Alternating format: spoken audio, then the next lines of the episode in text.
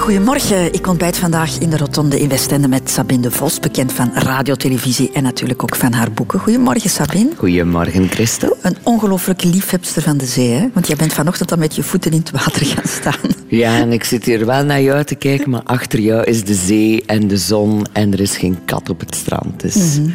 ik heb ook prachtig zicht. Ik heb ook voor heel veel eten gezorgd voor jou, want ik weet ook dat je heel graag eet. Maar we zullen ons best moeten doen, want ik weet ook dat jij niet graag dingen weggooit. Dat is zeer juist, ja. Dus er staat een overvloed aan heerlijk fruit en bessen en allemaal lekkere dingen. Het fruit gaat opgeraken. Uh Ja, het brood ga ik aan jou meegeven straks naar huis. Radio 2. De Rotonde met Christel van Dijk. Aan de ontbijttafel in de Rotonde in Westende zit uh, Sabine de Vos. Sabine, ik zou met jou graag jouw Rotonde van het leven willen uh, reconstrueren, de afslagen die jij genomen hebt, gekozen hebt. Of ja, gekozen is niet altijd het goede woord. Hè. Sommige afslagen overkomen ons ook wel eens. Hè. Ja, absoluut. Zijn dat de moeilijkste om op terug te blikken? Ik denk het wel. Ik um, heb nogal graag het gevoel dat ik mijn leven in handen heb, zoals iedereen waarschijnlijk. Ik zal daar wel geen uitzondering op zijn. Maar eigenlijk de belangrijkste dingen in uw leven gebeuren doordat mensen u verplichten om een afslag te nemen. Mm -hmm. Dan heb je het bijvoorbeeld over een scheiding. Over een scheiding of over, ja, ook in, in werkrelaties, dat ja, mensen toch blijkbaar een ander pad dan het uwe willen uitgaan. Of met iemand anders een pad willen inslaan zonder u. Mm -hmm. En daar sta je dan heel erg machteloos tegenover. En dat gevoel van machteloosheid, daar kan ik heel slecht mee overweg. Ik heb dat bijvoorbeeld minder. Mensen denken vaak dat ik dat dan heb, ook met bijvoorbeeld uh, kanker uh, te hebben. Maar dat is de natuur die dat beslist. Je kunt nooit boos zijn op de natuur omdat u een bepaalde afslag laat nemen. Dat is gewoon een feit dat je overkomt. Daar kan niemand iets aan doen. Maar mensen die u verplichten tot iets waar je eigenlijk zelf niet mee akkoord bent, mm -hmm. of liever anders had gezien, dat vind ik een hele moeilijke om te aanvaarden. Dat is voor straks. We hebben nog heel veel stof om over te praten, denk ik, Sabine. Want je hebt een heel rijk en een, een, heel gevuld leven gehad. Heel veel meegemaakt ook al. Mensen kennen jou uiteraard. En als ze meer details uh, willen weten, dan uh, klikken ze even jouw Wikipedia-pagina aan hè, op het internet. En daar staat dit op. Sabine de Vos, Locristi 20 juli 1967, is een Belgische presentatrice, politica en schrijfster. Voilà, het gaat nog verder. Hè. Maar dat is zo... Ik heb mijn eigen Wikipedia-pagina nog, nog nee. nooit uh, geconsulteerd, moet ik zeggen. Maar ah, het ja. gaat natuurlijk alleen maar over jouw professionele leven, niet over de periode die daar aan vooraf is gegaan, jouw jeugd en jouw tienerjaren. Toch ook heel bepalend. En daarom heeft Ankoeko voor jou een nieuwe, een aanvullende Wikipedia-pagina gemaakt.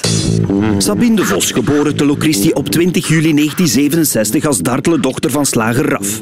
De nog steeds apetrotse papa getuigt. Dat was wel een redelijke rebel, absoluut, ja. Mij kon dat niet veel schelen als ze mee een klep opliep over mij. Maar, mijn broek die was hier en daar gescheurd was en al, ja. En vader Raf is vol lof over zijn engel Sabine. Ik heb maar één dochter, mocht ik vier op zijn, hè. Ook boezemvriendin Inge spreekt met fierheid over haar hartverwarmende vriendin Sabine. Sabine is als een zus voor mij. Uh, moest ik nu problemen hebben en ik bel haar midden in de nacht, dan weet ik dat ze daar staat. En er zijn veel vrienden en vriendinnen die dat, die dat wel zeggen. Maar bij Sabine weet ik dat dat echt zo is. Naast Engel is Sabine ook een rebelse opvallende persoonlijkheid, vertelt haar ook trotse schoolvriendin Cindy. Beetje wild, denk ik. Beetje uitdagend ook. Of soms bij momenten zeer uitdagend. Sabine maakte indruk. De manier waarop ze de ruimte binnenkwam zal Philippe Pletings, medekandidaat tijdens de talentenjacht Sterrenwacht, nooit vergeten. Ja, je zag wel wat uh, star quality, zoals dat, zoals dat heette. En die star quality is volgens ex-Dinky Toy frontman Coco Junior een cocktail van geheime ingrediënten. Sexy, maar zonder het zelf te weten. Dat was een beetje uh, alternatief, maar tegelijkertijd ook conservatief, al is het de wereldburger, maar tegelijkertijd ook nog een meisje net Locristi. Zo al die dingen samen. En Philippe Pletings heeft hierop nog een subtiele aanvulling. Sabine is ook wel beroemd en berucht, denk ik, omwille van haar diepe decolletés. Maar vergeet die diepe decolletés, hoe moeilijk het ook is. Het grote geheim van Sabine wordt prijsgegeven door haar boezemvriendin Inge. En vroeger had ze uh, zo geen frofro. En dan heeft ze, zonder dat haar mama dat wist, denk ik, een frofro laten knippen. En dan, is ze, uh, ja, dan had ze een keer succes bij de jongens. En het mooie meisje met de froufrou schreef zich in voor allerlei mis- en koninginverkiezingen. En haar trouwste supporter was Cindy. Ja, hoe dat wij iedere keer terugkeerden met prijzen, met een microgolf en een tafel en allemaal een mixer. Zij, zij had gewoon een hele inboedel verzameld aan haar twintig door mee te doen aan allemaal, aan allemaal fruit, fruitkoningin-wedstrijden. Maar Sabine wou meer dan alleen maar fruitkoningin met microgolf en mixer zijn. Ze liet zich opvallen in de BRT Talentenjacht Sterrenwacht op de toenmalige BRT en mocht een stemtest doen bij Radio 2. En de rest is history. Geweldig. Er zit heel veel Ja, in waar wij het straks over gaan hebben, in de loop van deze twee Mhm. uur. Maar eens even over het feit dat je enig kind bent. Eh, je vader is heel trots op jou, uiteraard. Eh, was dat een bewuste keuze van jouw ouders om het maar bij één kind te houden? Nee, ik denk het niet. Maar mijn, mijn mama, die ondertussen twaalf jaar geleden overleden is, ziekelijk, was toen ook al ziekelijk. En de- haar lichaam zou dat niet aangekund hebben om, meerdere nog eens zwanger te zijn. Dus ik denk niet dat het een bewuste keuze was. Aan de andere kant, ja, ze hadden een slagerij waar ze samen in werkten.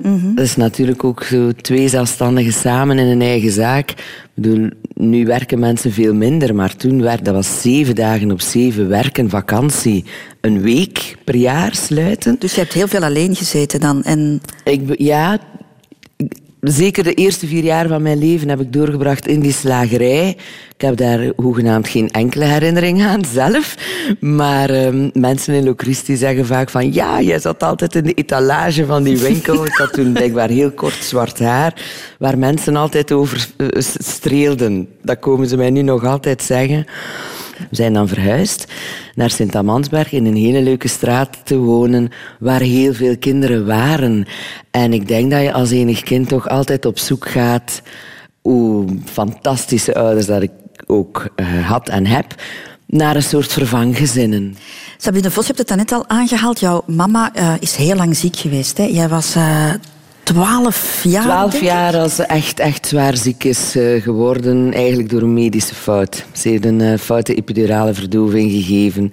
Die heeft haar verlamd gemaakt, in coma, hersenoperaties. Ik bespaar het hele verhaal. Nu, ze was daarvoor ook al wel een beetje ziekelijk, dus echt gezond is ze nooit geweest.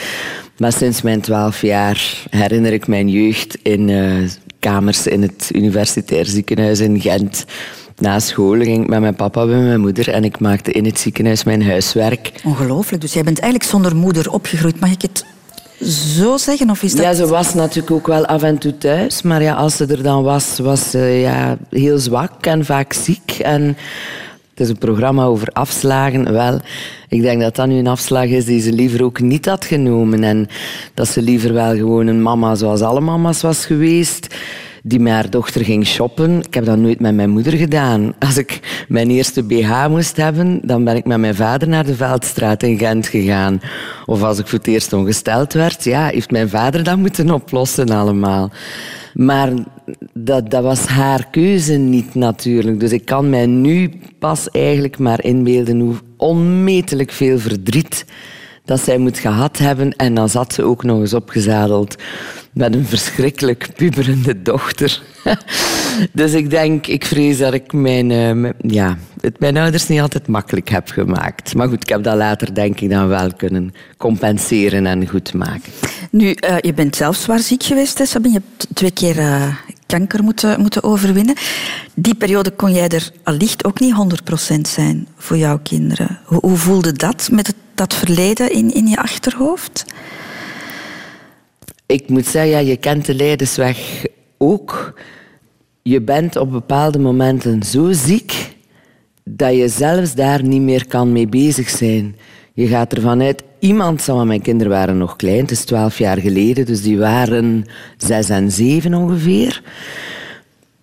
Ik kon daar geen, geen seconde per dag over nadenken. Ik was te ziek, punt. Nee, dus heel die, die fase in mijn leven, dat is zo een, een grijze wolk waar ik eigenlijk heel weinig herinneringen aan heb, behalve dat het soms zo erg is dat ik nog liever uit het raam was gesprongen dan nog eens zo'n chemokuur krijgen. Dat herinner ik mij wel. Maar je hebt met de herinneringen aan jouw zieke mama jezelf niet schuldig gevoeld van ik zit nu in hetzelfde bedje Nee, ik heb alleen wel heel erg schrik gehad. Want ik heb een vrij zware vorm gehad van baarmoederhalskanker. Dat ik het niet ging halen. Daar had ik bij momenten wel schrik van. van dat kan nu toch niet dat die twee jongens zonder mama zouden moeten opgroeien. Dat is echt geen plan. En is dat nu ook iets, ja, mensen zeggen vaak positief denken helpt. Ik weet, ben daar niet van overtuigd dat het alleen met positief denken helpt. Er zijn veel positieve mensen die toch doodgaan. Maar heeft het toch onbewust een rol gespeeld in er bovenop komen? Ik denk wel eens dat, dat het zo'n beetje achter de rug was. Dat je daar zoals een beetje een schotelvot in de zetel zit en niet meer weet van welke planeet dat je bent. Of hoe dat je in godsnaam terug aan je leven moet eh, beginnen. Laat staan werk, dat, is, dat komt dan nog later. Dan denk ik, helpt dat positivisme wel. Heeft jouw relatie met jouw moeder ook een invloed gehad op, op, eh, op jezelf als moeder? Zeer zeker, ja. Maar dat is allemaal achteraf. Hè. Heel veel dingen besef je pas als je zelf kinderen hebt. Omdat dat toch een gevoel is dat je heel moeilijk kan delen met mensen die geen kinderen hebben. Dat is zo'n uniek gevoel, mama of papa zijn. Dat is het heftigste gevoel dat je in je leven ooit kunt hebben, vind ik. En natuurlijk, ja, ik heb zelf die moederfiguur gemist. Nogmaals, mijn mama zou het wel anders gewild hebben. En ik denk dat ik daarom nog een driedubbel extra moederkloek ben dan de meeste moeders. Omdat ik inderdaad dingen gemist heb. En je wilt dat dan zo graag aan jouw kinderen wel geven, dat ik denk dat ze inderdaad, en soms doen ze dat ook wel zo van, echt moeder, pauzeknop induwen, zo weg. Ja, ja, zo, we zijn al twintig keer geknuffeld vandaag. We weten dat je ons graag ziet, zo eventjes genoeg. Maar ik, ja, ik ben zo. En je kunt, daar ben ik ondertussen ook van overtuigd, dat een mens niet verandert. De Rotonde. Radio 2. Radio 2.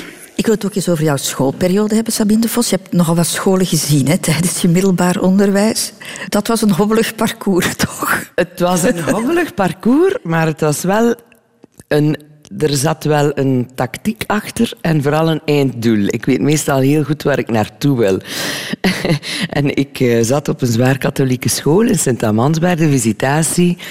En ja, het katholicisme en ikzelf, dat is al heel lang een zeer, zeer eh, moeilijk huwelijk. Op zulke jonge leeftijd al? Ja, ah ja, omdat het gaat over dogma's. Ja, dat, je moest dat gewoon aannemen.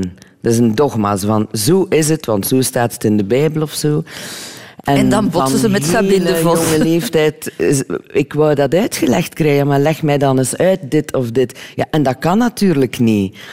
En ja, wij moesten ook zo dan tijdens de vasten elke dag gaan biechten om zeven uur s morgens. En daarna mochten we pas ontbijten. Dat ik denk, maar ik ben ja, tien jaar. Wat moet ik nu elke dag in de, gaan biechten? Ik doe toch helemaal niets verkeerd. Dus heel dat katholicisme, dat, dat, ik had dat daar geweldig moe- En ook een uniform moeten dragen. En je sokken moesten tot daar komen. En je rok moest tot onder je knieën. Ja, dat was ook aan mij niet besteed. Dat ik niet mocht aandoen wat ik wou. en ik wou... Mijn vriendin Inge zat op Voskeslaan in Gent. Koninklijk Atheneum. En dat was voor mij het Walhalla. Daar, daar wou ik naar school gaan. Maar Omdat daar meer vrijheid was. vrij, en dat was ook gemengd, Christel. Ja, ik zat op een school zonder jongens. Dat ging echt niet meer hoor, vanaf twaalf jaar of zo. En, maar dat, ja, dat mocht toch niet echt van thuis, want dat had zo de reputatie toen van een wel heel vrije school te zijn. En dan heb ik toch nog een ommetje moeten doen langs het Krombeen Instituut, wat zo mogelijk nog erger was. En daar heb ik het dan een jaar gedaan, maar je moet, als je tactiek hebt, moet je ook wel je tactiek slim uitspelen. Dus ik dacht, ze mogen mij nooit kunnen pakken op punten. Dus ik haalde daar ook hele goede punten. Maar ze vonden mijn aanwezigheid op school toch niet zo nodig. en dan ben Je ik mocht niet meer terugkomen. Ja, het, is, het, was, het was niet zo tot op dat punt. Maar dan ben ik toch eindelijk in het vijfde middelbaar geraakt, waar dat ik dus al jaren wou geraken, namelijk op de Voskeslaan in Gent. En het was het Walhalla. En ik heb Het daar een- twee prachtige jaren Het doorgebracht. is een echt schaakspel geweest eigenlijk. Hè? Je wist Ja. waar je naartoe wou, maar je moest wel wat omwegen Ja. nemen. Ja, je, je hebt het heel moeilijk met de regels en de regeltjes, heb ik de indruk. Hè? als mensen nu regels gaan opleggen waar ik het nut niet van inzie, of waar ik het niet mee eens ben, of waarvan dat je voelt, hier is geen dialoog mogelijk. En ik vind dat men met autoriteit ook zo. Iemand zegt van, ik vind dit, of jij mag dat niet meer doen, of eh, ik wil niet dat jij dit doet. Iemand die dingen voor u beslist en daar, naar mijn aanvoelen, dan ook geen valabele uitleg kan aan geven. Dus het is helemaal niet zo dat ik een geweldig probleem heb met autoriteit, maar het moet autoriteit zijn waar ik naar opkijk, waar ik respect Mhm. voor heb, dat ik denk, jij weet het beter dan ik, ik ga je volgen. Mhm. Maar Je moet het kunnen begrijpen.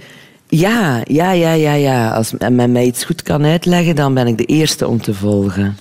En dan ga je na je middelbare schooltijd naar de universiteit. Was ook niet echt zo evident hè, in de familie. Heb je daarvoor moeten pleiten?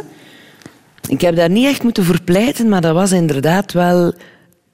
Niemand in mijn familie deed dat. Ja, mijn papa is slager. Mijn mama komt nog uit de tijd dat vrouwen niet studeerden. Dat was Nadan. Die, heeft tot, die is tot haar veertien denk ik naar school geweest en heeft dan zo nog een paar naai... Ja, huishouding gestudeerd of zo.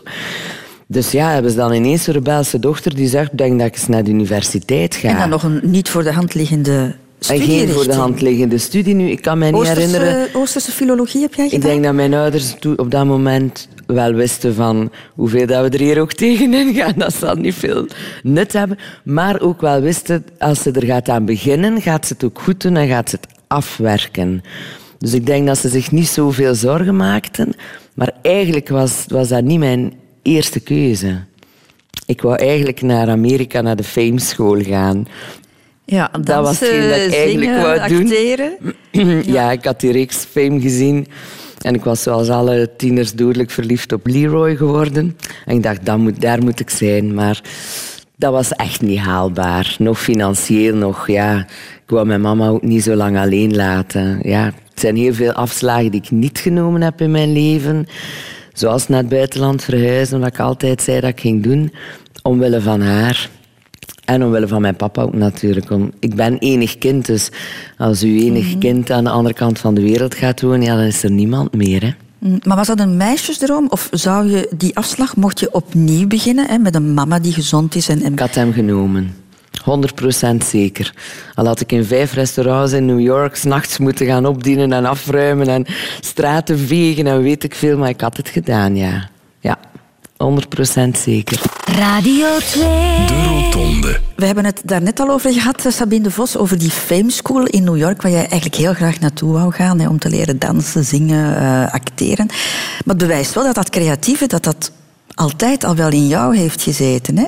Je bent ook heel jong beginnen zingen, in het kerkkoor dan nog. Ja, ik ben ervan overtuigd. Want dat is zo'n een gesprek dat mensen heel vaak voeren van wat is genetisch bij mensen, wat is aangeboren en wat komt door je opvoeding of door omgevingsfactoren. Ik blijf ervan overtuigd dat heel veel dingen intrinsiek al in dat klein zaadje zitten dat, dat in de buik van een moeder ontstaat.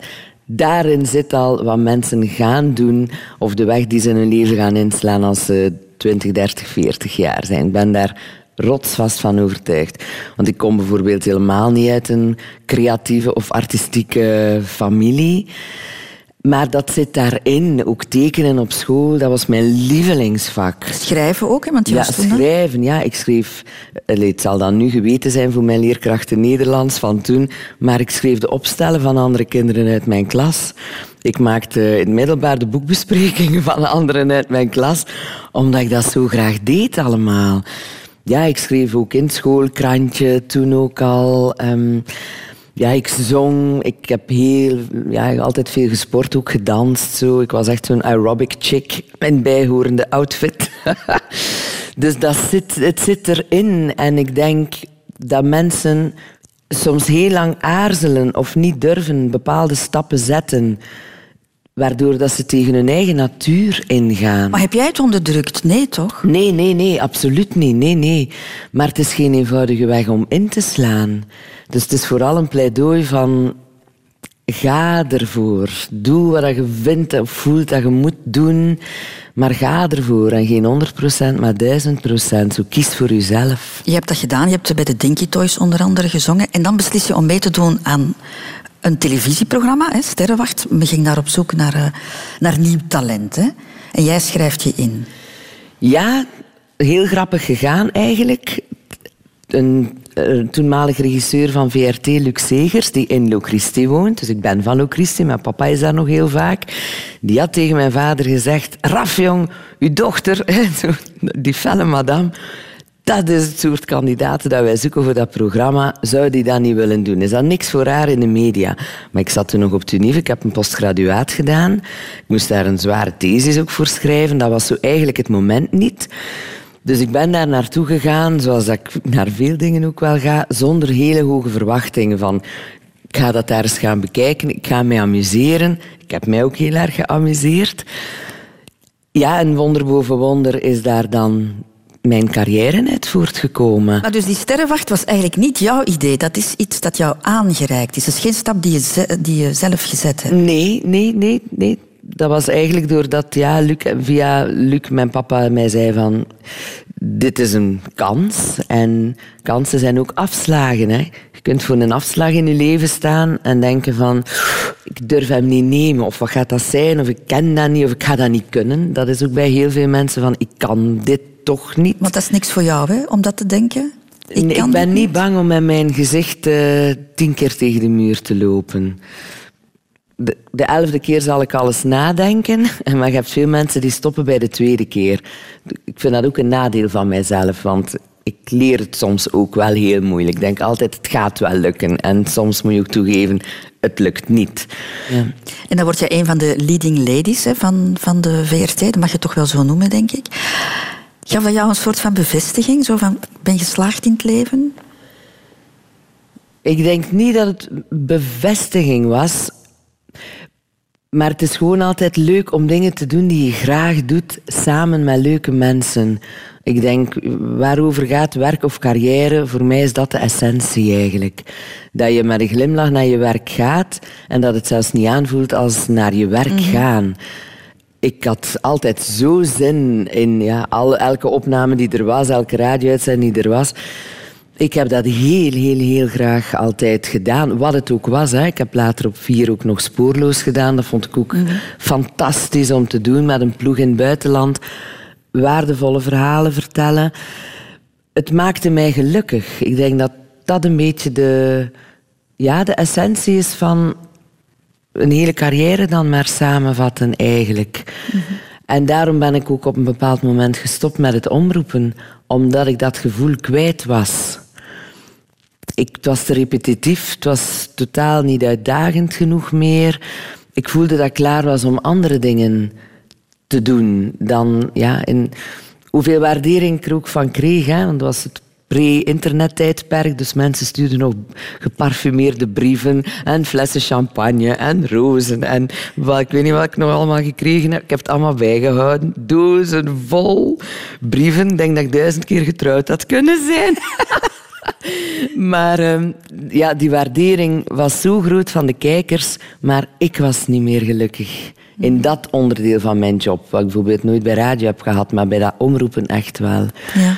En dan neem je weer zelf een afslag van hoe, hoe, jammer het ook is. Iedereen verklaarde mij compleet geschift van gaat daar toch niet mee stoppen. Een vaste job, vast vaste job. Dat werd echt ook goed betaald. En we moesten een paar dagen per, per maand werken. Echt geen zware job.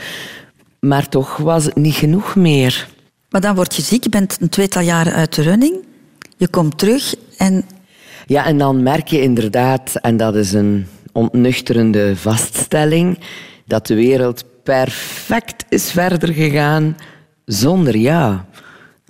De wereld kan perfect zonder Sabine Vos. De professionele wereld. Natuurlijk, voor uw kinderen zou het erg mhm. geweest zijn, mocht ik er niet meer geweest zijn. En voor mijn vrienden en zo ook. Maar professioneel had daar niemand van wakker gelegen. En dat is toch wel een eventjes een koude douche, omdat jij dan natuurlijk, je voelt je weer goed en je hebt enorm veel zin en energie om ook weer aan positieve dingen te kunnen beginnen. Maar die zijn er niet. In de media is het heel moeilijk, zeker als vrouw. Ik blijf daarbij dat de media een veel hardere plek is voor vrouwen dan voor mannen, dan is daar plots niet meteen plaats voor jou. En dat is inderdaad heel confronterend, omdat je het gevoel hebt dat je twee keer gestraft wordt. Dan voel je, ben je zo trots en blij van ik heb de ziekte overwonnen. Zo ja, laat de wereld nu maar terug tot mij komen. Ik ben er weer klaar voor. Maar die wereld komt niet tot jou. Dus dat, moet, dat is iets waar je dan moet mee leren leven. Maar dat is niet makkelijk. De drang naar onafhankelijkheid, Sabine Vos, kan ik dat ook een keuze noemen in jouw leven? En ik heb het dan, laat ik het concreet maken. Je bent al heel jong beginnen werken. Hè? Op je veertiende heb je al allerlei jobs gedaan. Hè? Om die reden toch? Om die reden, ja, omdat ik ook altijd wel wist, als ik iets in mijn leven ga willen doen, dan ga ik het zelf moeten doen. Er is niemand die mijn hand gaat vastpakken ehm, en zeggen van, we gaan jou leiden. Dus ik dacht, ik moet gewoon maken dat ik mijn eigen boontjes kan doppen, dat ik geld heb om de dingen te doen die ik wil doen. Let op, dat klinkt alsof mijn ouders waren er natuurlijk en ondersteunden mij in alles wat ik deed met zo oneindig veel liefde. Maar ja, ik denk dat die, die drang om dingen te bereiken, om te werken, dat die heel erg groot was. Was dat nodig dat jij financieel een beetje bijsprong? Ik was beursstudent. Hè. Ik heb altijd met een beurs kunnen studeren. Maar ik wou ook wel ja, op reis gaan. Ik wou de dingen kunnen doen die ik wou. En ik ben mij denk ik van heel vroeg bewust dat je geld nodig hebt in het leven. En dat het niet uit de boom komt gevallen. En als je dat wil, dat je daar moet voor werken. Dat is ook een waarde die ik aan mijn kinderen ook altijd heb willen meegeven. Van verwacht niet dat het van ons zal komen, maar werk ervoor. Dan ben je ook meer trots. Als iemand jou 10 euro geeft om op te doen, tof. Maar als je bent een uur gaan afwassen voor 10 euro, tot het zweet in je t-shirt staat, dan gaat dat een ander aanvoelen zijn om die 10 euro uit te geven. Heeft het ook te maken met jezelf nuttig te maken? Of te willen nuttig maken?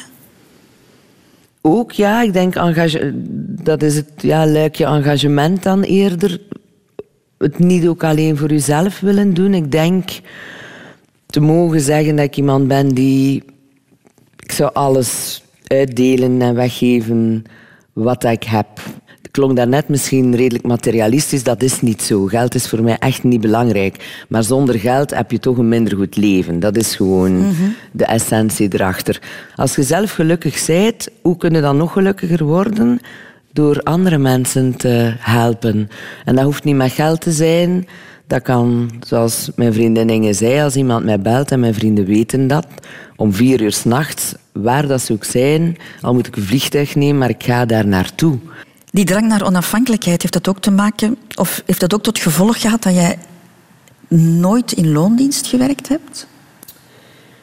Ik heb dat één keer geprobeerd, van moeten. Toen ik postgraduaat deed, moest ik een stage doen, verplicht. Ik deed zo taalbeheersing en bedrijf, dus dat was ook boekhouden. En mijn absolute topvak boekhouden, debet en krediet, dat klopte bij mij nooit. Het gaat nooit kloppen. En dan ben ik een maand bij Rolarta gaan stage doen, eh, in West-Vlaanderen ergens. En dat was met een prikklok. Dus we hebben begonnen om acht uur. En dan ging er een soort belletje om twaalf uur of zo. Van nu mag je gaan eten. En dan ging er ook weer een belletje. Nu mag je terug beginnen werken. En daar heb ik echt beslist van. Zo wil ik nooit leven. Nee, ik voelde mij echt een gekooid, gekooid dier. Maar het feit dat je altijd freelance geweest bent, heeft jou ook wel financieel natuurlijk wat onzekerder gemaakt. Hè?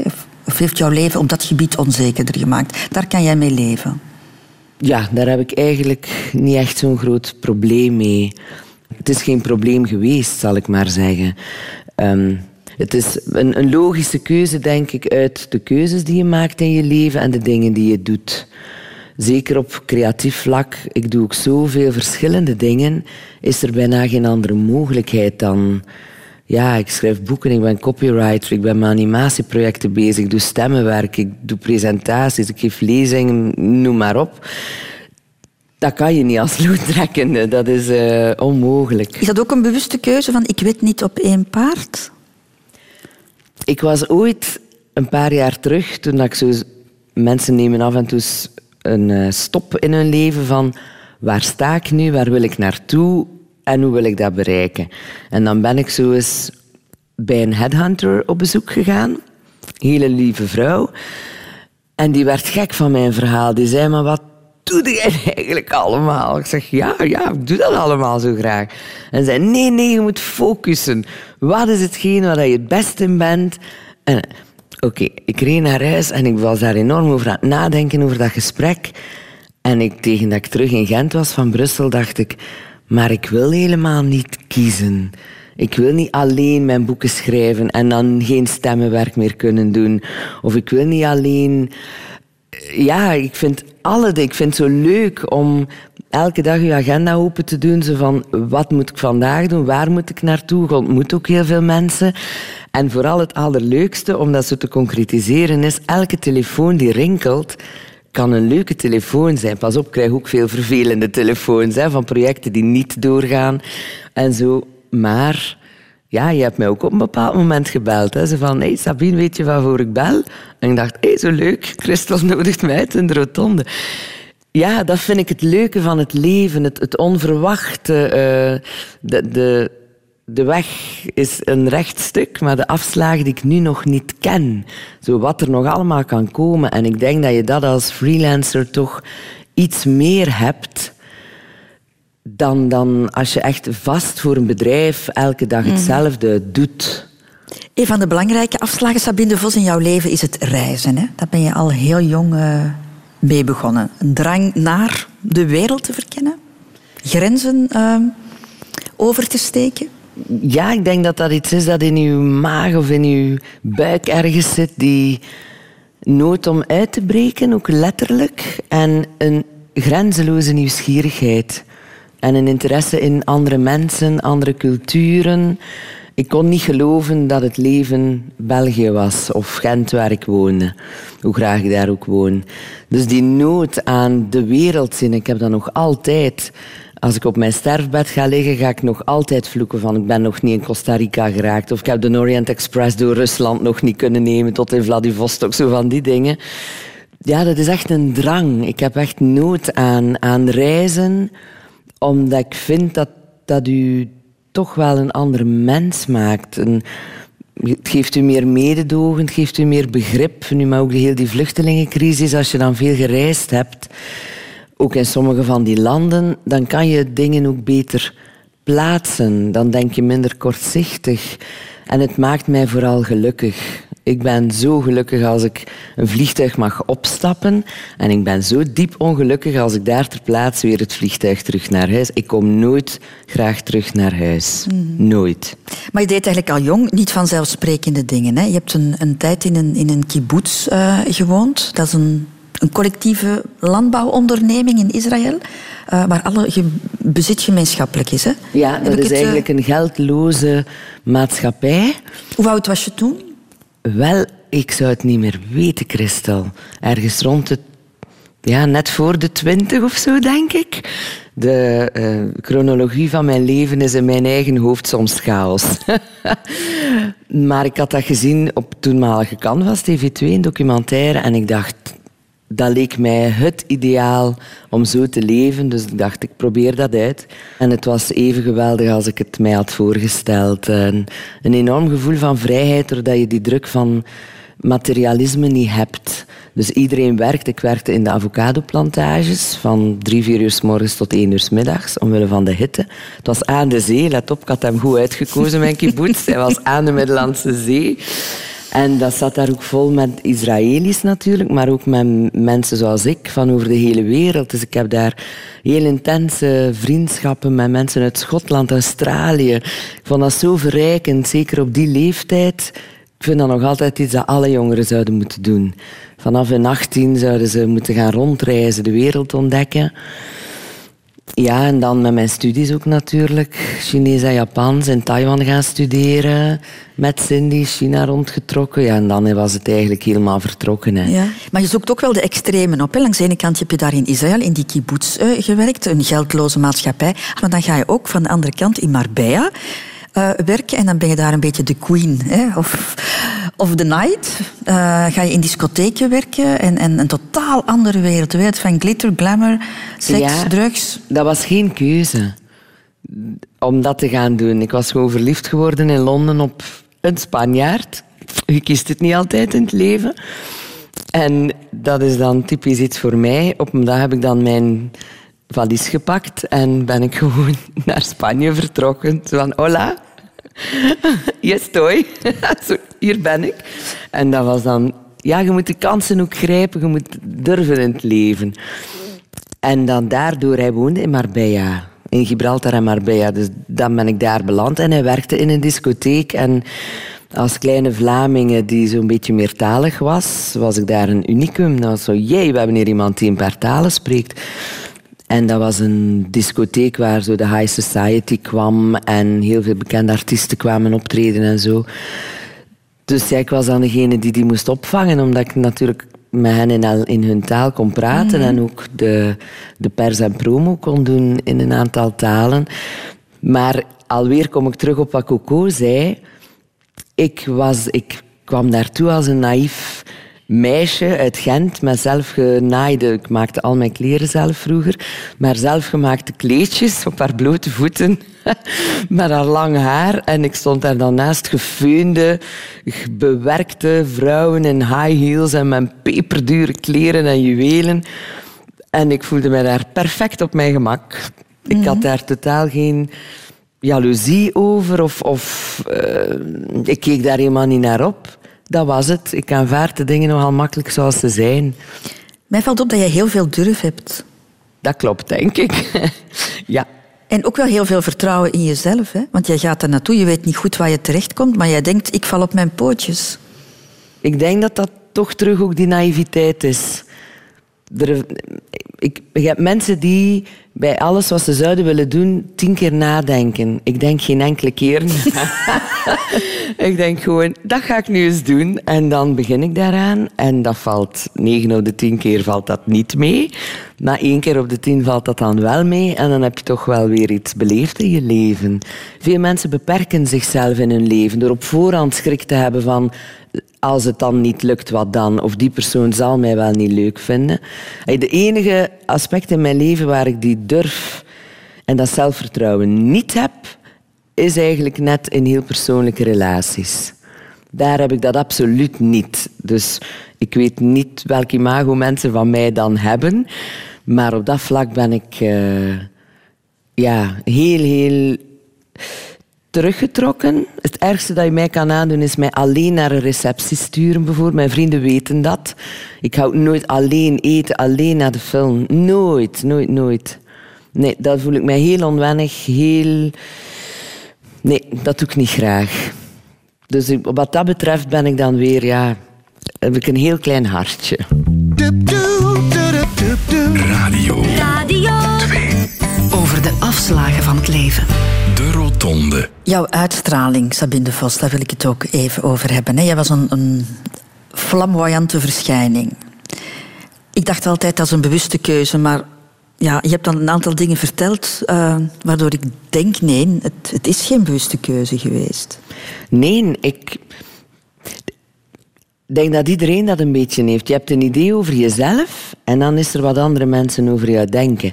Ik denk dat dat bij mij altijd echt twee werelden geweest zijn. Ik fladderde door de wereld als... Ja, ik heb altijd graag kunnen vliegen. Dus een vlinder of een vogel. Maar ik denk dat dat voor heel veel mensen ook confronterend is. Dat men, mensen het gevoel hadden van we, we kunnen die niet, niet, niet vastpinnen op iets. We hebben die niet, niet onder controle. Ehm, maar dat is nooit bewust geweest. Nooit, nooit, maar jij nooit. bracht toch wel opnieuw seks op het scherm, hè? Dat is mij gezegd, maar ik was dus inderdaad de laatste om dat bewust te doen. En dat meen ik echt. Maar als je geen grijze muis bent, Sabine, dan, dan loop je ook in de kijker. En dan is er ook meer kritiek, hè? Heb jij allicht ook ooit gekregen? Ik moet zeggen, in de tijd dat ik natuurlijk zo, ja, de droomfabriekperiode zeg maar, er waren nog geen social media. Ik denk, mocht ik nu doen wat ik toen deed, dan word ik waarschijnlijk door een hele groep mensen totaal afgemaakt. Maar dat bestond toen nog niet. Dus de kritiek zal er wel geweest zijn, maar zal ook niet altijd tot mij gekomen zijn. Pas op, ik had ze wel. Ik heb in mijn dozen van brieven van kijkers een heel aantal brieven van de dames uit Brussel. Zo, die naam gaven ze zichzelf. En dat ging inderdaad dat ik was een schande op het scherm. En uw kledij en een slechte invloed voor de jeugd. En, maar echt zo conservatief dat de, de mannen van de eindregie van als ik zo weer een brief kreeg, gingen bij hen van ik heb weer een brief van de dames van Brussel en dan las ik die altijd voor en dan lachten we ons daar gewoon een kriek mee. Dus dat soort kritiek raakt echt mijn koude kleren niet. Kritiek die mij wel raakt, is bijvoorbeeld ja, over een boek of zo. Als een recensent een boek niet goed vindt, ik mag daar niet over klagen, ik heb dat nog niet veel, vaak meegemaakt. Maar dan raakt de, iemand wel echt in zijn ziel. Want als je mhm. schrijft, dan geef je echt... Dat is je ziel blootleggen, in welk boek dan ook. En dan raakt die kritiek heel erg. Maar als mensen kritiek hebben, hadden op wat ik aan had, echt waar, kon mij niet schelen. Heeft jouw uiterlijk je ook kansen geboden, Sabine, denk je? Daar ben ik zeker van. want je bent model geweest ook, hè? Ik moet daar niet onnozel over doen. Was ik een lelijk dik konijn geweest, uh, ik had die carrière niet kunnen hebben. Zo simpel is het. De media is meedogenloos wat dat betreft. Dus natuurlijk heb ik, heeft dat in mijn voordeel gespeeld. En alweer, als je die kans krijgt, ja, grijp ze dan ook. Doe daar dan niet moeilijk over, doe daar ook niet hypocriet over. Het is zo. Maar dan word je ziek, Sabine. Daar gaan we weer. Hè? Want jouw ziekte heeft toch een hele grote impact gehad op jouw leven. En op je 38ste kom jij in menopauze. En dat doet wel wat met een lichaam van een vrouw. Hè? Hoe, hoe, hoe was dat voor jou? Het ergste gevolg natuurlijk voor mij was dat... Ja, ze hebben mijn buik leeggehaald. Daar zit niet veel meer in. dus ja, ik kon geen kinderen meer krijgen. Ik denk dat dat voor mij emotioneel het aller, moeilijkste was. Omdat ik heel graag... Ik heb altijd gedroomd, ondanks mijn drang naar uh, reizen. Het enige dat ik wist dat ik ooit echt wou, was een gezin met veel kinderen. Mm ja, en een gezin waarin de twee mensen oud worden en hier bijvoorbeeld in Westende op een bankje naar de zee zitten kijken, omringd door hun kleinkinderen. Dat is eigenlijk het allerbelangrijkste altijd geweest in mijn leven. En die droom, ik had uh, al twee fantastische zonen, maar ik had wel nog kinderen gewild. En dat is niet gelukt. Maar je lichaam verandert, hè? Op een, als je in menopauze zit. Ja, je wordt een beetje zwaarder, uh, taille verdwijnt, uh, haar wordt brozer. En ik kan me voorstellen voor een vrouw als jij, uh, ja, die toch gekenmerkt was door een fantastisch uiterlijk, dat dat heel zwaar moet zijn. Het fysieke, daar heb ik eigenlijk minst van al last van gehad, denk ik. Omdat dat bij mij ook wel... Mijn haar is niet uitgevallen. Qua... Ja, natuurlijk verandert je lichaam, maar je kunt ook sporten om daar wel iets aan te doen. Dus ik heb dat ook wel gedaan. Dus wat dat betreft, denk ik, viel het al bij al nog wel mee. En dat is het uiterlijke. Uiteindelijk is dat niet zo belangrijk. Op zo'n moment, als je net zoiets hebt doorgemaakt, is dat een futiliteit eigenlijk. Maar ja, ze nemen nu vooral een, een, uw vrouw zijn nemen ze af. Dus heel lang heb je dan vriendinnen van, ah, oh, ik ben weer ongesteld. En ik denk van, ik wou dat ik nog eens ongesteld kon zijn, want dat is een bewijs dat je een vrouw bent. Als je zoiets meemaakt, is je lichaam letterlijk getekend. Dus ik sta vol met littekens. Maar het zijn de littekens langs de binnenkant die het meest pijn doen. Radio 2. Over de afslagen van het leven. De Rotonde. Je bent altijd een opvallende verschijning geweest, Sabine de Vos. Dus ik neem aan dat er ook altijd heel veel mannelijke aandacht was toch voor jou. Daar heb je toch geen klagen over gehad? Ik heb daar geen klagen over gehad, maar ik blijf de woorden van Coco, hij kent mij goed. Ik blijf die herhalen. Ik was de laatste die het door had en dat is nog altijd zo. Vind je jezelf verwend op het gebied van liefde? Dat is een hele moeilijke vraag. Ik denk dat ik al heel veel liefde gehad heb in mijn leven. Ik heb vooral ook al heel veel liefde gegeven, vooral denk ik. En ik heb ook al heel veel um, ja, deuren in mijn gezicht gesmeten gekregen wat de liefde betreft. Ik vind, ik vind ja, relaties zeer belangrijk. De relaties met uw kinderen, met uw partner, met uw vrienden. Daar gaat het uiteindelijk om.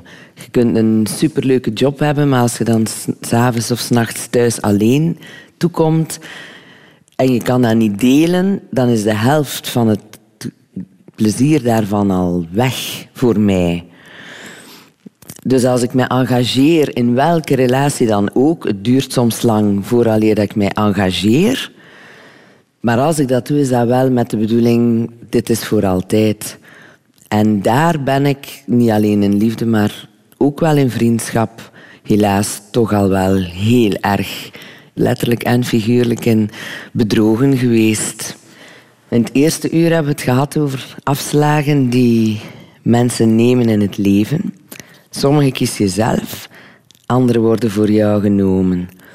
En degene die je zelf neemt, als die niet lukken, dan kan je alleen maar boos zijn op jezelf of ontgoocheld of uh, servies tegen de muur gooien. maar ja, in relaties zijn het vaak andere mensen die die keuze voor jou maken. Van kijk, wij willen niet meer samen met jou door het leven of wij vinden onze vriendschap niet meer waardevol genoeg, dus we stoppen daarmee. En dat heb ik ja, nu helaas twee keer met een lange relatie meegemaakt. En dat is voor mij een, zeer harde noot om te kraken, omdat je daar machteloos tegenover staat. Je kunt iemand niet dwingen om je graag te zien, je kunt iemand niet dwingen tot vriendschap.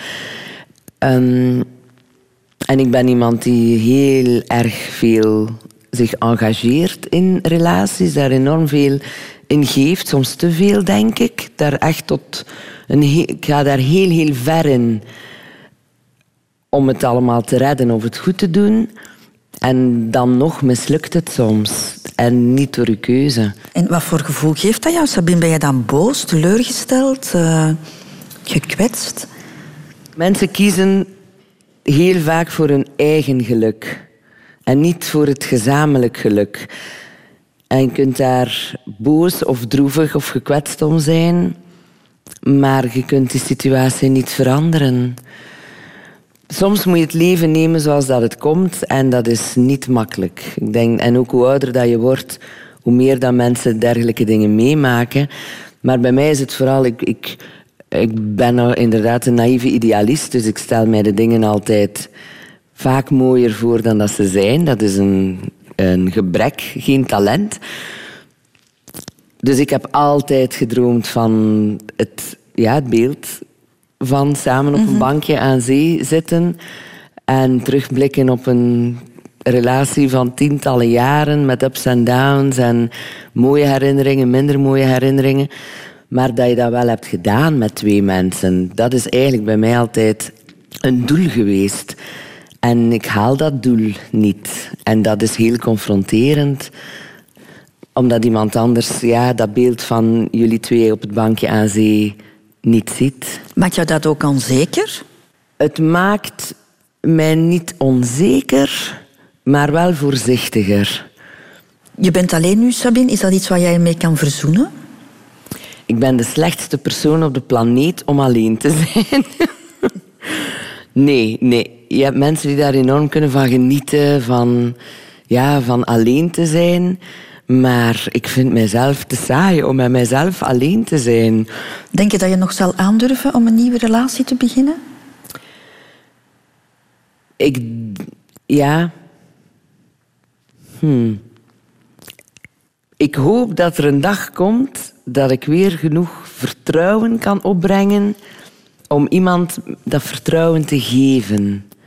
Ben er zo vaak in ja, ontgoocheld en bedrogen geweest dat dat een, een moeilijke stap zal zijn. En ja, mensen proberen nu ook natuurlijk altijd te helpen in zo'n uh, situaties. Dus die zeggen, er gaan nog zo mooie dingen gebeuren waar je nu geen idee van hebt. En dat vind ik het leuke aan zo, het pad van het leven met zijn afslagen. Dat ik niet weet welke dat het gaan zijn. Ik heb geen glazen bol en ik zei, moet niet willen. Ik ga ervan uit dat ik 90 jaar word en ooit aan dat bankje aan zee ga zitten met iemand die mij na 40 jaar nog altijd graag ziet. Of misreken ik mij nu, 49 en 40 jaar. Nee, het klopt ongeveer. De Rotonde. Radio 2. Radio 2. Je bent altijd uh, maatschappelijk geëngageerd geweest, Sabine de Vos. Je hebt twaalf jaar in de gemeentepolitiek gezeten en uh, je bent meter van uh, Koenina, een organisatie die via Peterschappen kinderen in het zuiden onderwijs biedt. Hè. Dat is iets waar je je hart enorm in legt. Hè. Wij bestaan 25 jaar en ik had het allereerste petekind. We zitten in zes landen. Zetten wij kinderen op schoolbanken en als ze er niet zijn, dan bouwen we de school rond de schoolbanken. Dus op die manier heb jij ook een beetje het grote gezin dat je altijd hebt willen hebben. Hè? Ja, toch wel. Via ik denk, ja, iets dat terugkomt in mijn leven zijn kinderen. Mhm. Ik ben dol op kinderen.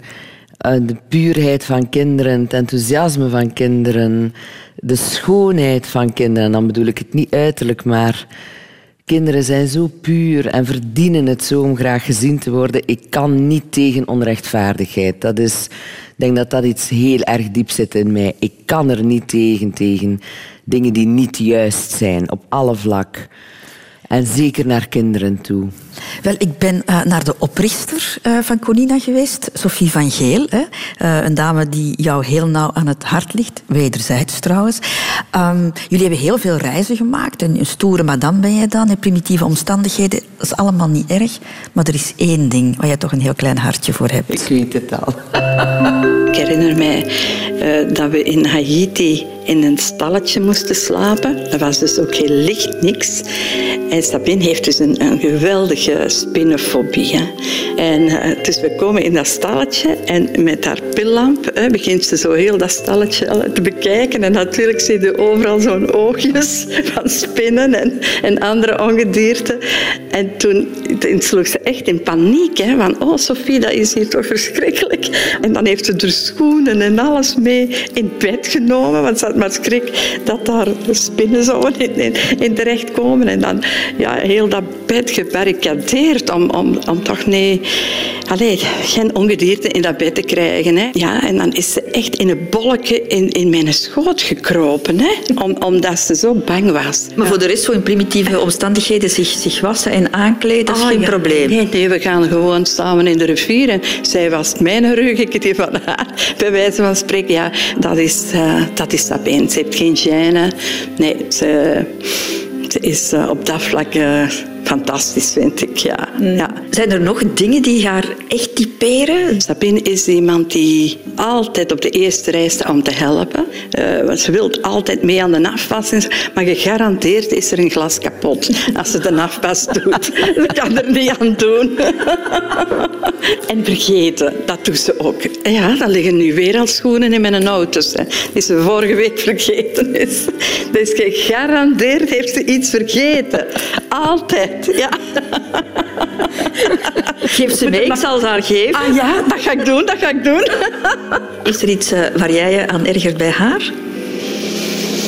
Wel, ze, ze, is ook redelijk gesloten, Sabine. Ze is gesloten en uh, ja, als er zo'n dramatische dingen gebeuren, dan, dan, zal ze, dan zal ze wel openkomen.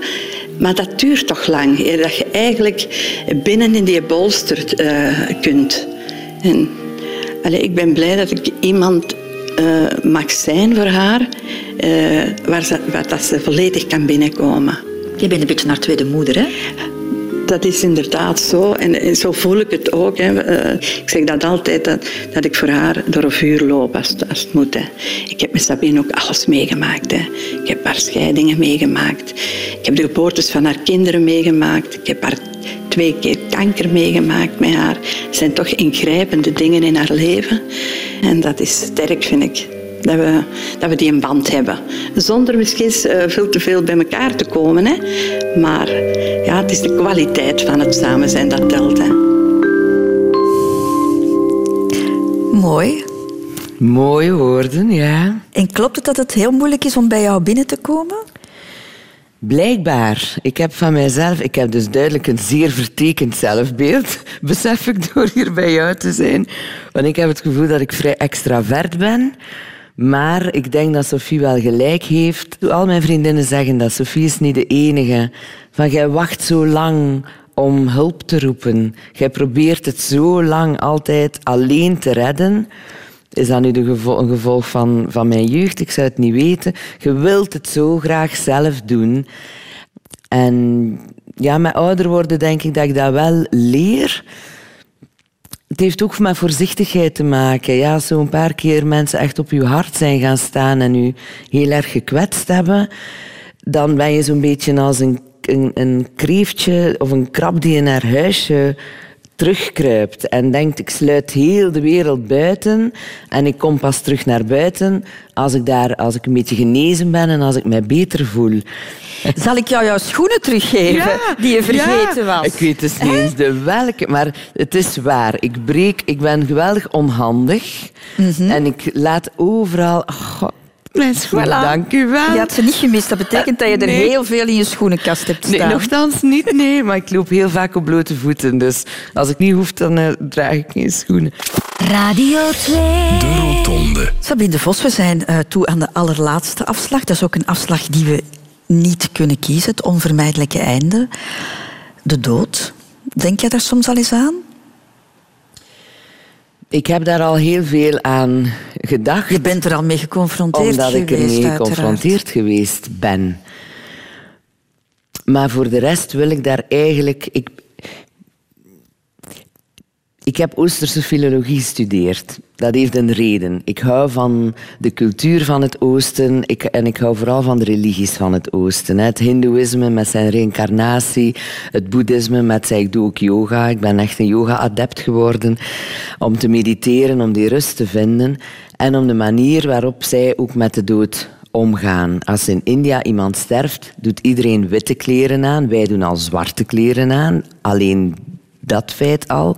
En dan is het feest, omdat zij er vast van overtuigd zijn dat ze naar een beter leven gaan.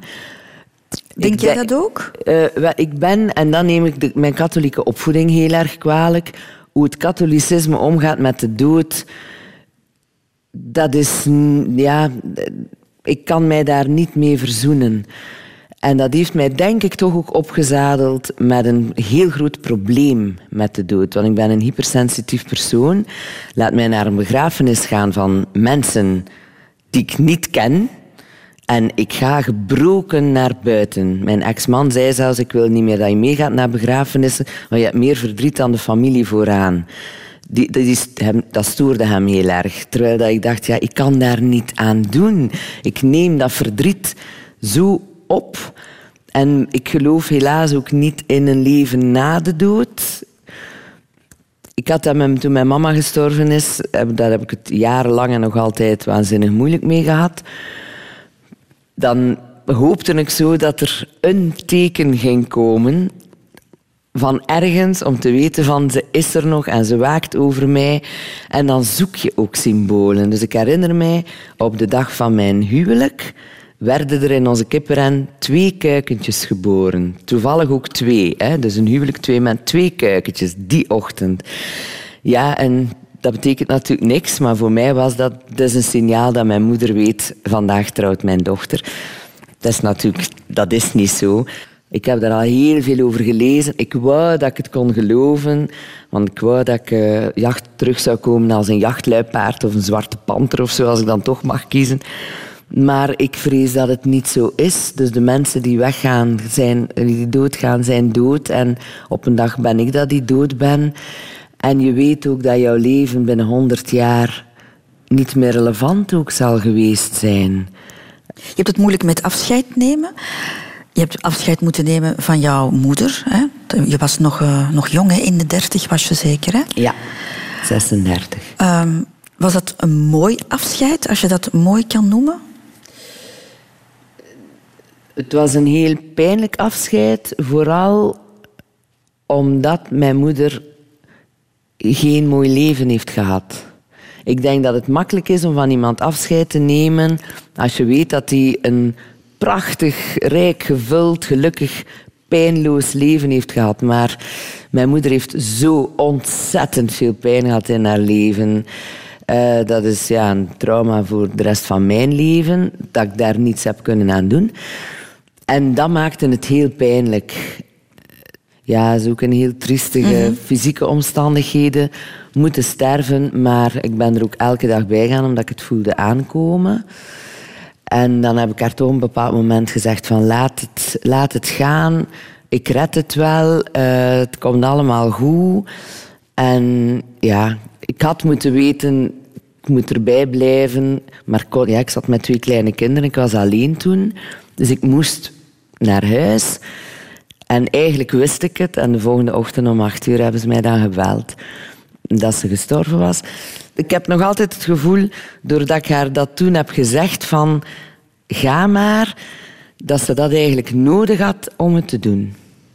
Jouw papa is er 82. Hè? Ooit zal je van hem ook afscheid moeten nemen. Hè? Mijn vader wordt 107. En ik zeg dat niet zomaar.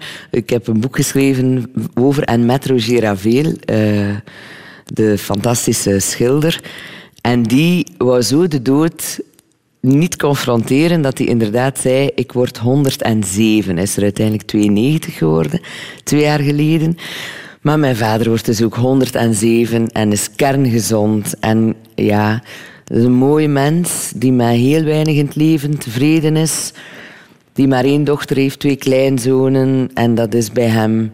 Hij verlangt heel weinig van het leven. Wat ik een, een troef vind. Ik wou dat ik dat meer had. Ik denk dat ik veel meer verwacht van het leven dan hem. Veel gulziger ben. Hij is blij gewoon om in de tuin te zitten als de zon schijnt en te weten dat zijn kleinzonen daar rondlopen. Of een pintje gaan drinken met zijn vrienden die hem op handen dragen. En ja, ik denk dat je geen mens vindt op de planeet die mijn vader niet graag ziet. Sabine Vos, jij wilt nog heel lang leven. Hè? Nog zeker 50 jaar. Welke afslagen wil je daar nog nemen? Ik wil ze vooral vandaag nog niet kennen. Ik zou het niet leuk vinden om te weten, volgend jaar komt die afslag, over vijf jaar komt die afslag. Ik vind de onvoorspelbaarheid van het leven net het leukste. Dus ik hoop dat er nog heel veel afslagen zijn die ik nu nog niet zie liggen, vooral. Je hebt nog niks gepland. Behalve blijven schrijven natuurlijk. Ja, dat, ja hè, natuurlijk. Ja. ik ga hè? altijd boeken blijven schrijven. Ik ga altijd een aantal dingen blijven doen. Maar dat ligt in de lijn der verwachtingen. Ik hoop vooral dat er nog heel veel ligt in de lijn van de onverwachte dingen. Ik vond het heel fijn om met jou te ontbijten, Sabine. Lekker vooral. Zeer verrijkend. Ja, we gaan, we gaan inpakken. Hè? Ja. Je mag alles mee naar huis Ja. nemen. Nog één ding zou ik jou willen vragen. En dat is eh, om iets in het gastenboek te schrijven. Wil jij dat doen? Jazeker.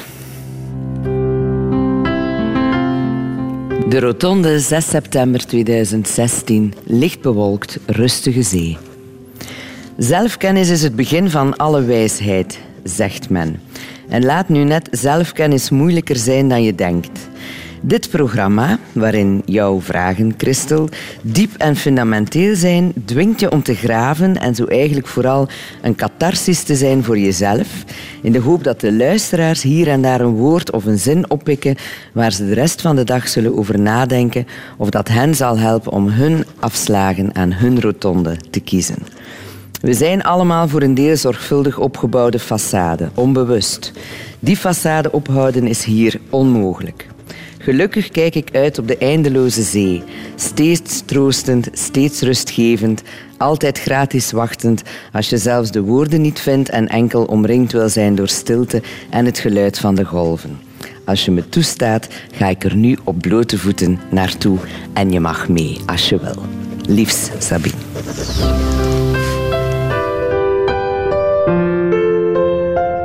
Radio.